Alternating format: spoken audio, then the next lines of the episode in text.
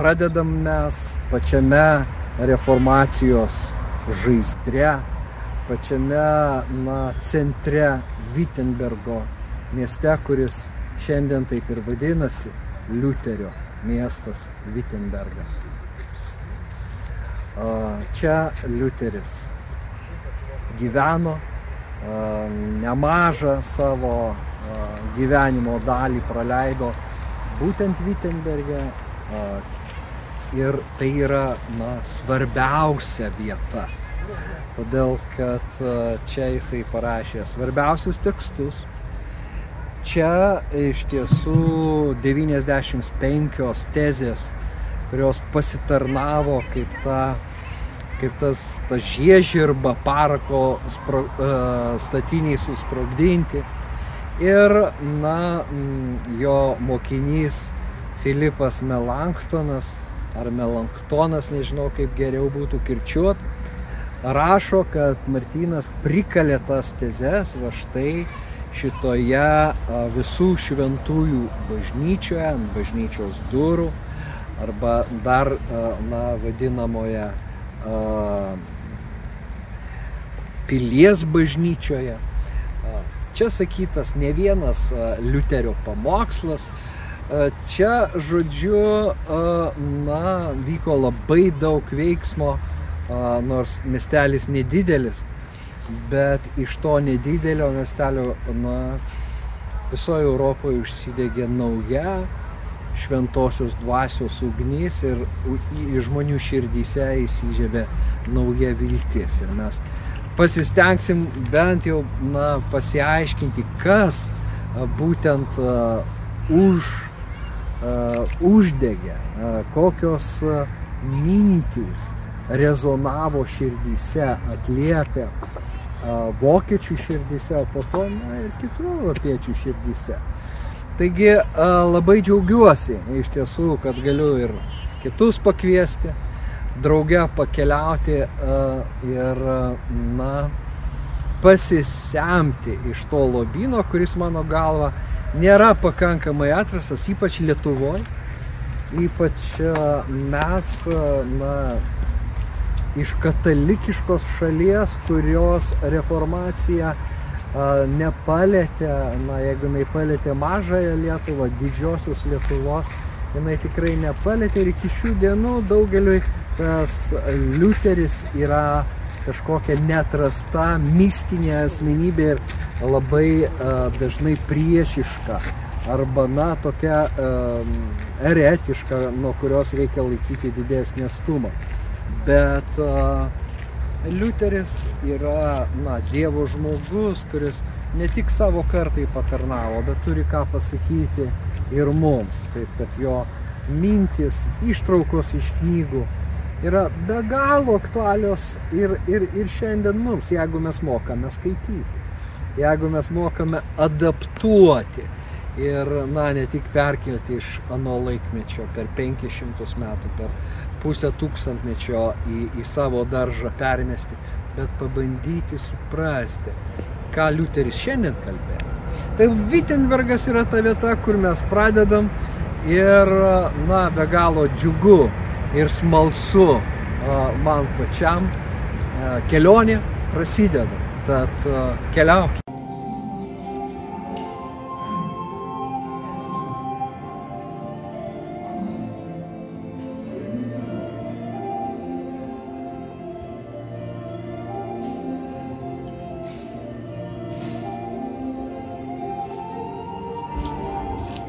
Liuteris buvo ne tik teologas, bet ir labai muzikalus žmogus. Jis dar būdamas vienuoliu turėjo elgetauti. Ir jam padėdavo būtent tai, kad jis galėjo groti ir tokiu būdu, na, kaip gatvės muzikantas, pritraukti žmonių dėmesį ir, na, vat, užsidirbti duonai. Na, ta praktika buvo tarp vienuolių ir, ir tai uh, buvo laikoma kaip tokia na, šventumo, maldingumo charakteristika. Jeigu žmogus gali uh, na, elgetauti, ne, ne, nusižeminti, jam negėda va, prašyti kitų, tai reiškia jisai tinka būti šventuoju. O a, čia ant bokšto viršaus yra būtent viena Liuterio žinomiausių giesmių, vienas žinomiausių himnų. Dievas yra saugi mūsų tvirtovė.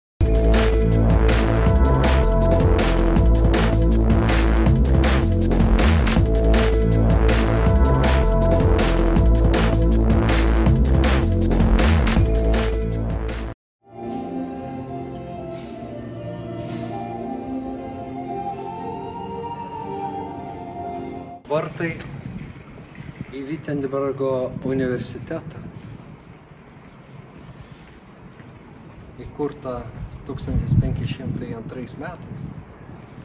Ir universiteto įkūrėjas Frederikas Išmintingasis norėjo, kad šis universitetas taptų žinomas visoje Europoje. Ir jos svajonė išsipildė ne taip, kaip jis laukė. Vienas iš profesorių pradžioje dėstęs filosofiją, Aristotelio filosofiją, na, po to teologiją buvo Martynas Liuteris. Ir būtent savo kolegas 1517 metais Liuteris ir kvietė apsvarstyti indulgencijų klausimą tomis 95 tezėmis, kurias jis prikalė, va, ten truputį žemiau prie a, tvirtovės bažnyčios a, durų. At jos buvo parašytos lotiniškai, o tai reiškia, kad liaudis jų nesuprato. Jis kvietė kolegas, išsilavinusius teologus svarstyti a, klausimą, kad indulgencijos netitinka nei Evangelijos dvasios, nei Evangelijos raidės. Kitai žodžiai tariant, tai yra klaidingas mokymas ir jo tikslas yra iš tiesų atnešti pelną Rom. Gimė traktatai pakeitę iš viso bažnyčios istoriją. Gimė mintis šituose koridoriuose, kurios a, na, gražino ne tik tai Augustino malonės teologiją, bet apaštalo Pauliaus malonės teologiją, tuos Kristaus slėpinius bažnyčiai tikintiems. Tai va, čia šitoj uh, vietoj. Tarp kitko, Liau Koreja, tas pavadinimas, tai buvo uh, bal, Baltasis kalnas Baltasis kalnas. Tokia buvo vizija Frederiko išmintingojo, kad na, šitas universitetas taptų iš tiesų kalnu, šviečiančių kalnų. Ir mums lietuviams be abejo reikia didžiuotis, kad vienas iš mūsų iškių, Stanislavas Rafalionis, šiame universitete apsigynė teologijos daktaro laipsnį. Ir tema atgaila. Na, be abejo, tai buvo Martino Liuterio paties viena labiausiai, reiškia, svarstomų, apmastomų temų tiek 95 tezėse, tiek kitose knygose, kitose tekstuose. Bet Stanislavas Rapalionis gynėsi ir pats Martinas dalyvavo tame gynimėsi. Ir tai yra didelė garbė ir įrodymas iš tiesų, kaip universitetas labai nedidelė miestelė, visai naujas, visai naujas, reiškia, žiūrint, nu, lyginant su kitais uh, Europos universitetais, tapo traukos centru. Iš visos Europos studentai keliavo į Wittenbergą visų pirma, kad paklausytų profesoriaus Martino Liuterio, daktaro Martino Liuterio. Na, bet universitete buvo daug kitų gabių dėstytojų, dėstoma ir hebrajų kalba, dėstoma graikų kalba, dėstoma biblistika, dėstoma, na, be abejo, scholastika, kurios Liuterio dėka buvo atsisakyta. Tai čia šitame universitete vyko naujovės, kurias po to jau perėmė Halės universitetas, na ir be abejo Lietuvoje Karaliaučiaus universitetas. Wittenbergo universiteto modelis, na, replikavo save, buvo na, steigiamas įvairiose vietose. Ir mes čia stojam, todėl mane tai, man tai yra ne, neišsakomas jausmas. Nes tiek daug skaityta, tiek kartų apie tai, na, mm, žiūrėta į šią vietą per puslapius, per knygas, o dabar čia stovėti yra tikrai neapsakomas jausmas. Atvykęs į Wittenbergą, Liuteris buvo priverstas dėstyti Aristotelį.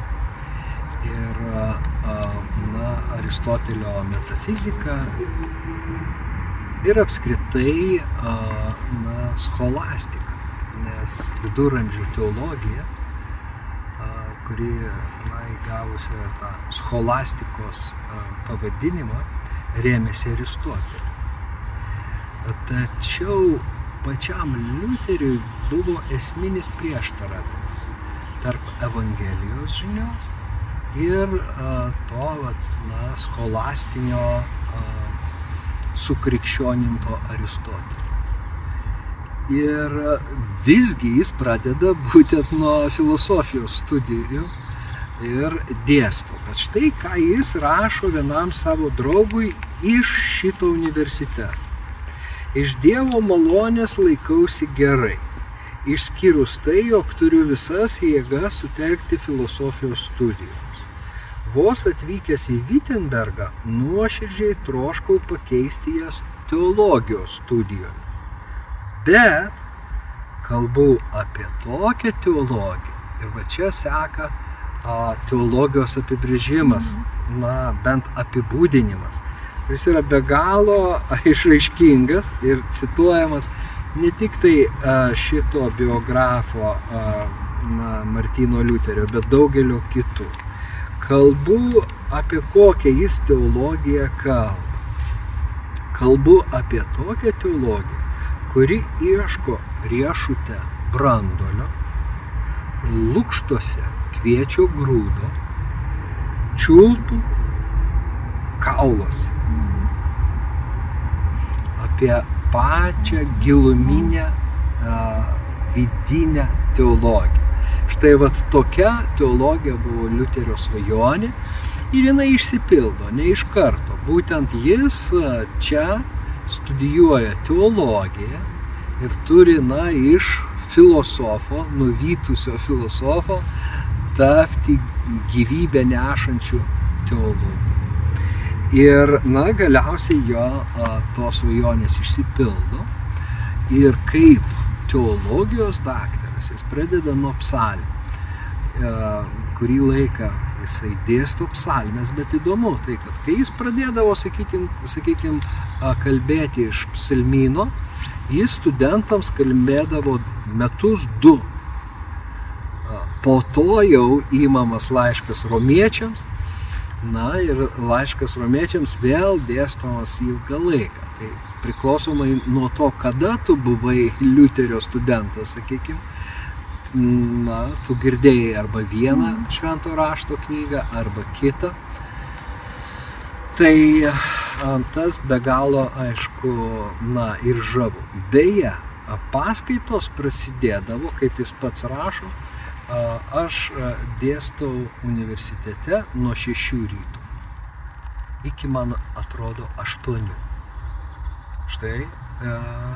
Tada manęs laukia pamokslas bažnyčioje, tada manęs laukia šūsnis laiškų, kuriuos aš turiu parašyti.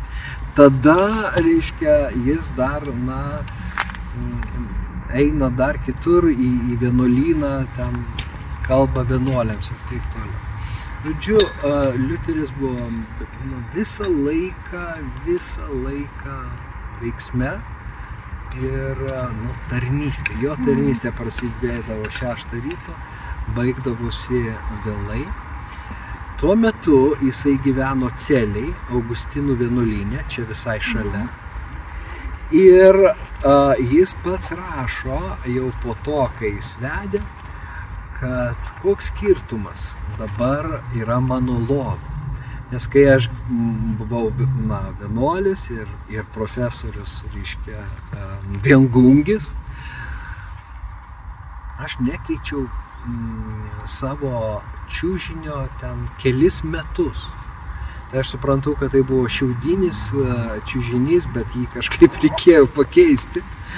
Vis tiek matomai buvo ir nu, kažkokie tai lininiai ar, ar, ar, ar kažkokie apvalkalai. Bet jis sako, aš grįždavau toks pavargęs, kaip mes sakytume, nusikalęs, kad aš krisdavau į lovą. Vat po tokios dienos ir man jau buvo nesvarbu, ant ko aš mėgau.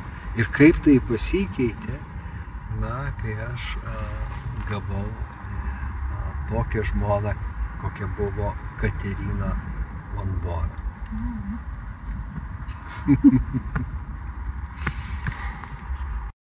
Einame nuo Vitenbergo universiteto link tvirtovės bažnyčios, visų šventųjų bažnyčios.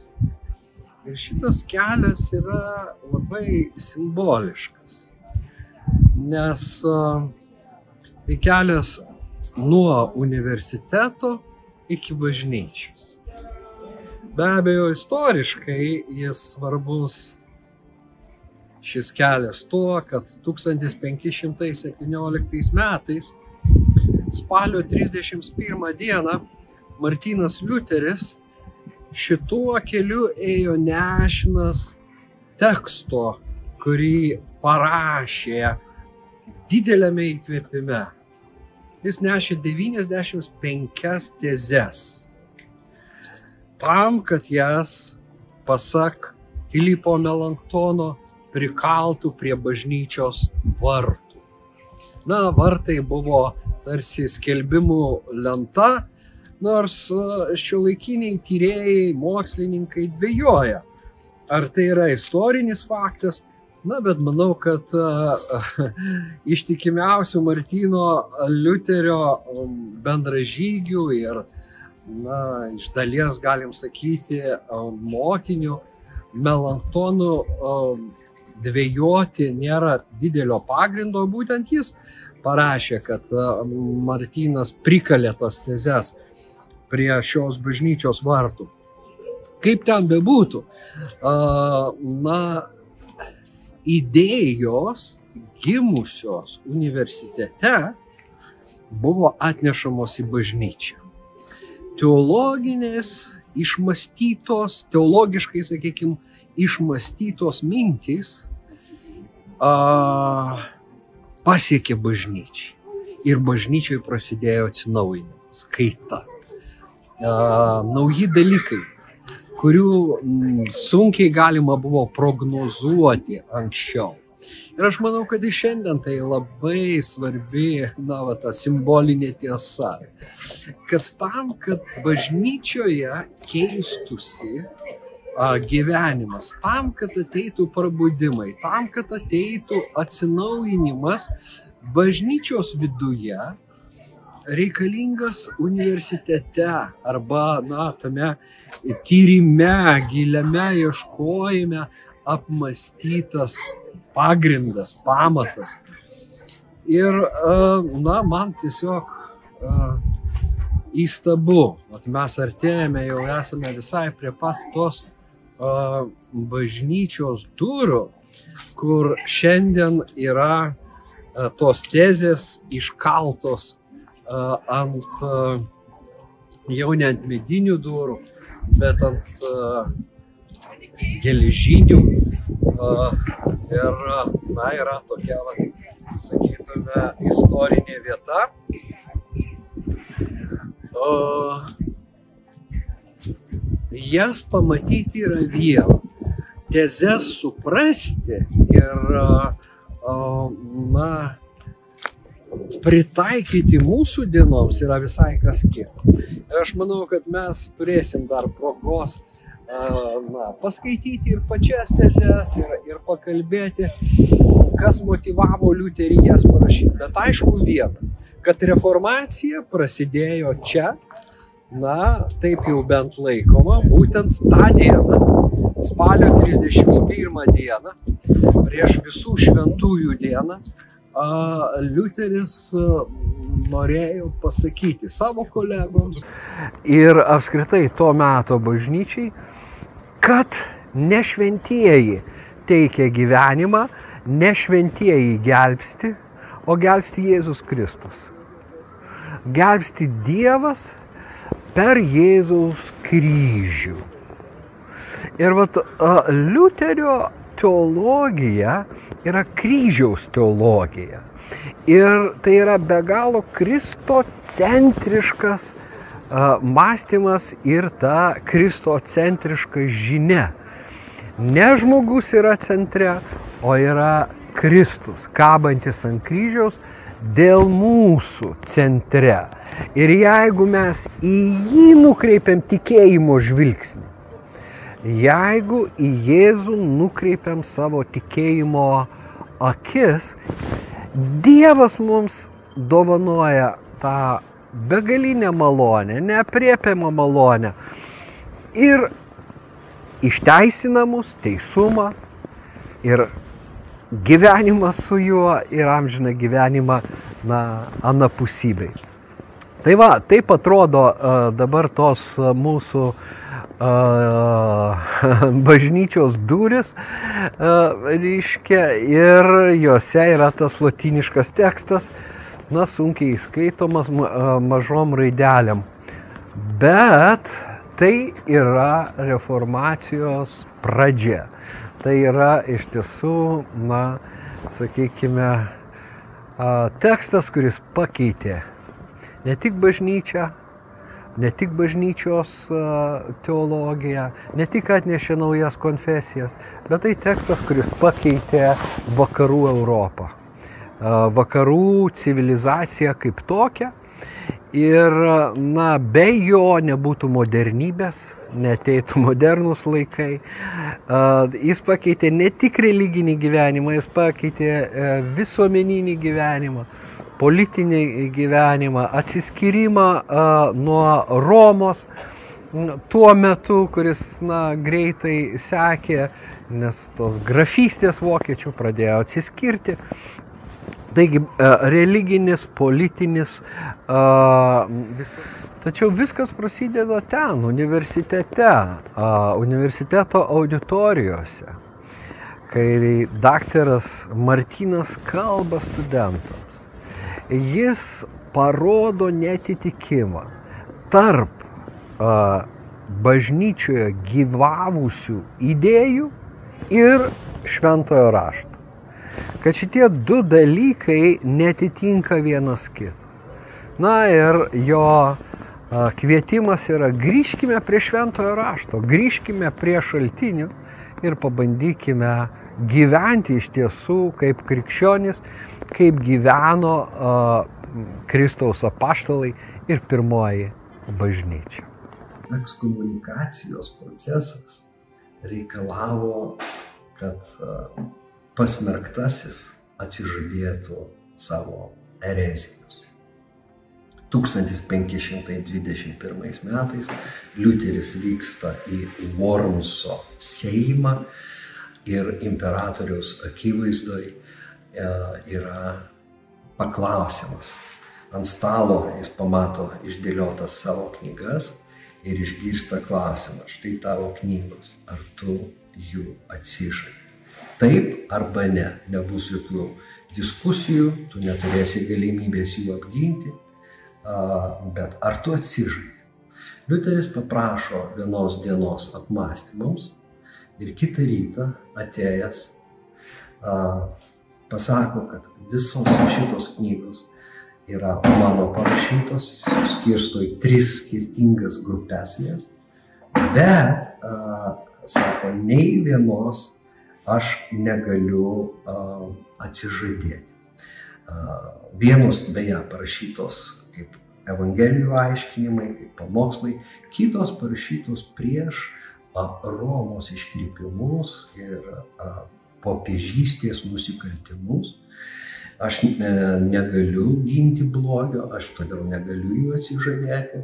Na, o kita yra mano laiškai draugams, mano žinutės bičiuliams. Galbūt ten kai kurie dalykai e, gali būti pataisomi, bet iš esmės aš ir jų negaliu atsižadėti. Ir tada jisai pasako, na, baigiamosios kalbos tą pabaigą, kuri yra cituojama praktiškai visose Liuterio biografijose. Jeigu manęs neįtikinsite šventojo rašto liudijimu ir racionaliais, aiškiais argumentais, aš nepasitikiu, negaliu pasitikėti vien popiežiumi arba bažnyčių susirinkimais, nes žinau, gerai žinau, kad jie klysdavo ir prieštaraudavo vienas kitam. Taigi, aš esu mano sąžinė yra šventojo rašto vergė. Ir aš negaliu ir nenoriu atsižadėti, kas tai bebūtų, nes tai nesaugu ir neteisinga mano sąžinės atžvilgiu. Tai Dievas man padeda. Amen. Kai kurie vėlesni, nes susirinkimas šitas yra protokoluojamas, bet jau vėlesni protokolai prideda žodžius, štai aš stoju, štai aš čia stoju, aš negaliu kitaip. Ir net yra, štai aš čia stoju viena Liuterio biografija šito pavadinimu. Nors greičiausiai jis tų žodžių ir nepasakė. Esame Wittenbergo senamišio pakraštyje, kur 1504 metais buvo pastatytas Augustinų vienuolynas. Nuo 1508 metų jame gyveno Martynas Liuteris. Kaip Augustinų vienuolis, jis atvyko į Wittenbergą, kad padėtų savo mentoriui Štaupicui. Štaupicas turėjo daug vilčių dėl Liuterio, na ir jam teko čia apsigyventi. Tačiau tikriausiai nei Liuteris, nei kas nors negalėjo įsivaizduoti, kad 1532 metais šitas vienuolynas bus jau visai ištuštėjęs, todėl kad vienuoliai įkvėpti Dievo žodžio, sulaužė savo skaistumo įžadus ir vedė, kūrė krikščioniškas šeimas, tame tarpe ir pats Martynas Liuteris. Liuteriui ir Katerinai gimė šeši vaikai. Trys mergaitės ir trys berniukai. Ir uh, jie įsivaikino. Kiek aš pamenu Martino sesės, gal brolio vaikus. Taip kad iš viso šituose namuose Martinas ir Katerina, o labiausiai Katerina, augino 17 vaikų. Be to reikėjo prižiūrėti ūkį, Na ir praktiškai e, Katerina von Bora tampa liuteroniškos šeimos moters idealu. Na, galbūt aluzija į e, patarlių knygos skyrių, kokia yra ta dievo baiminga moteris. Bent jau, na, aplinkiniai būtent tokią, tokį pavyzdį mato Katerinoje. Na ir pats Liuteris labai gražiai apie ją atsiliepia įvairiose vietose. Be abejo, Liuteris turėjo daug humoro, be galo daug įvairiausių posakių. Bet apie savo žmoną jisai net ir ją kreipėsi, tu mano šonkaulis, tu mano mozė, tu, a, a, reiškia, a, mano jėva arba tu jėva.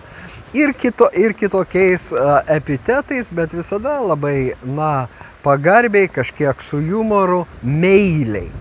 A, tai va, nors aišku, namų rūpešiai krizdavo ant šitos moters peš, e, pečių, tuo tarpu, kai Liuteris nešė ne tik tai, na, profesoriaus, pastoriaus, reformatoriaus naštas, na, bet apie jį rašoma kaip ir iš tiesų apie labai m, pareigingą tėvą. Tai, na, tikrai miela, kad tokia skulptūra, kur sako, kad čia jos tikras ūgis, na, yra pamėginta mums perteikti būtent pamaldžiosios Katerinos von Boros asmenybę. Frederikas išmintingasis, Liuterio globėjas, šio na, Saksonijos rinkikas, atstovas, padovanojo Augustinų vienuolyno patalpas Martynui Liuteriui. Ir šiandien čia yra įkurtas Martino Liuterio namų muziejus. Įdomu, kad pastatas turi tas tarsi dvi e, istorinės funkcijas turėjęs ir vienuolyno, ir Martino Liuterio namai. Iš tiesų ypatinga vieta ir na, tas vėjas, kuris dabar pakilo mums įrašinėjant, tarsi tikrai kalba apie šventosios dvasios dvelgsmą, kuris lydi vaikščiant po šitą įstabų istorinį pastatą.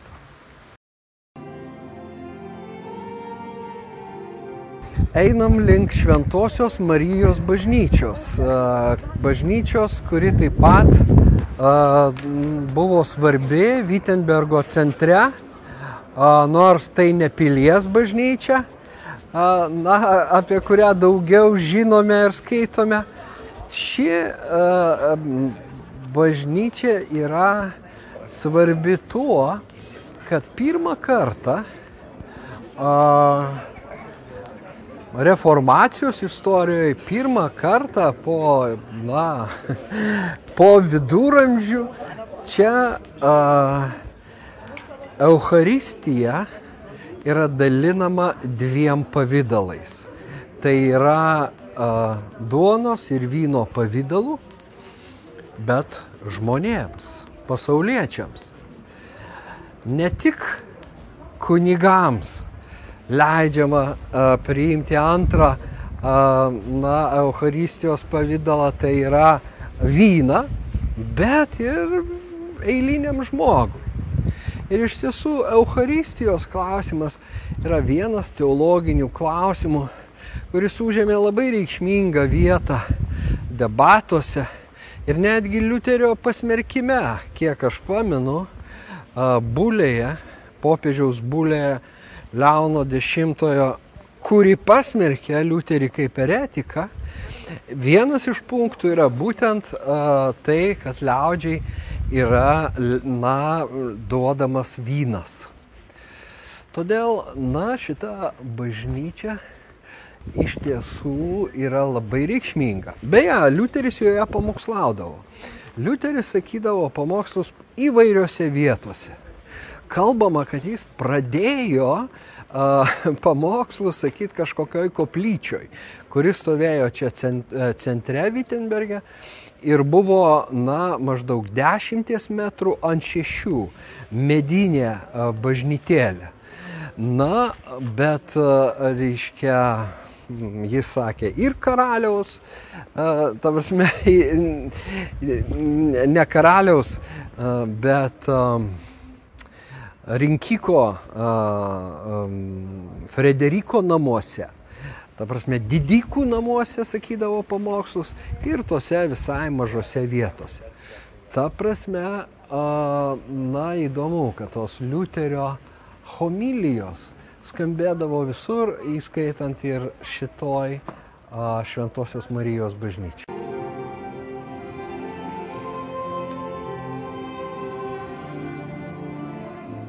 Wittenberge yra ne tik tai Liuterio namas, bet ir Melanktono, Filipo Melanktono namas, muziejus, kurį aplankėme. Ir be abejo, Melanktonas yra a, ryškiausias a, reformatorius a, po Martino Liuterio, jo draugas, jo kolega. Ir a, Liuterio kvietimu sakoma, jis atvyksta į Wittenbergą, į Wittenbergo universitetą, kadangi jau prijaučia reformacijos idėjoms ir, na, yra pakviečiamas mokyti graikų kalbos.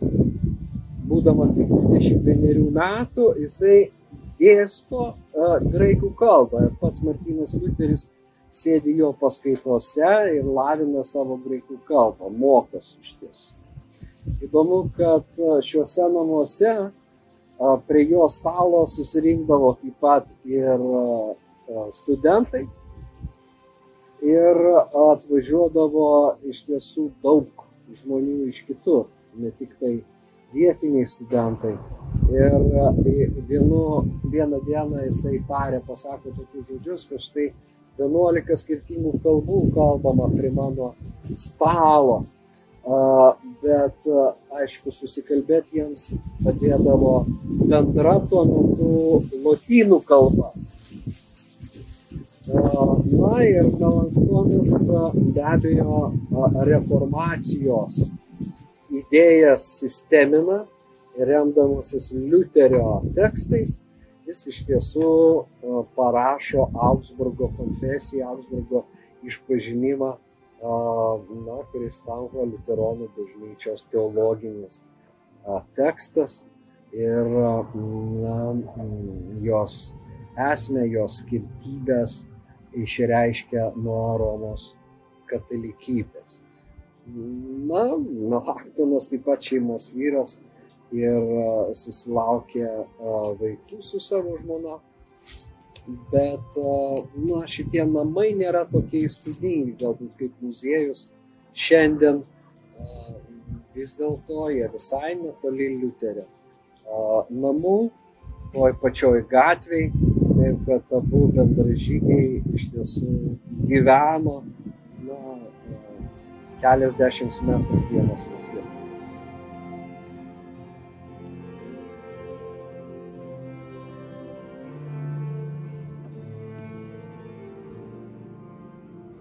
Jonas buvo jaunesnis už Liuterį.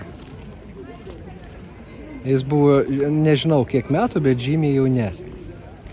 Tačiau Melanktonas buvo graikų kalbos žinovas. Ir Liuteris nesigėdydavo sėdėti jo paskaitos ir mokėsi graikų kalbos iš jo. Kai eisime prie dvasios šaltinių ir Kristaus, tapsime išmintingi.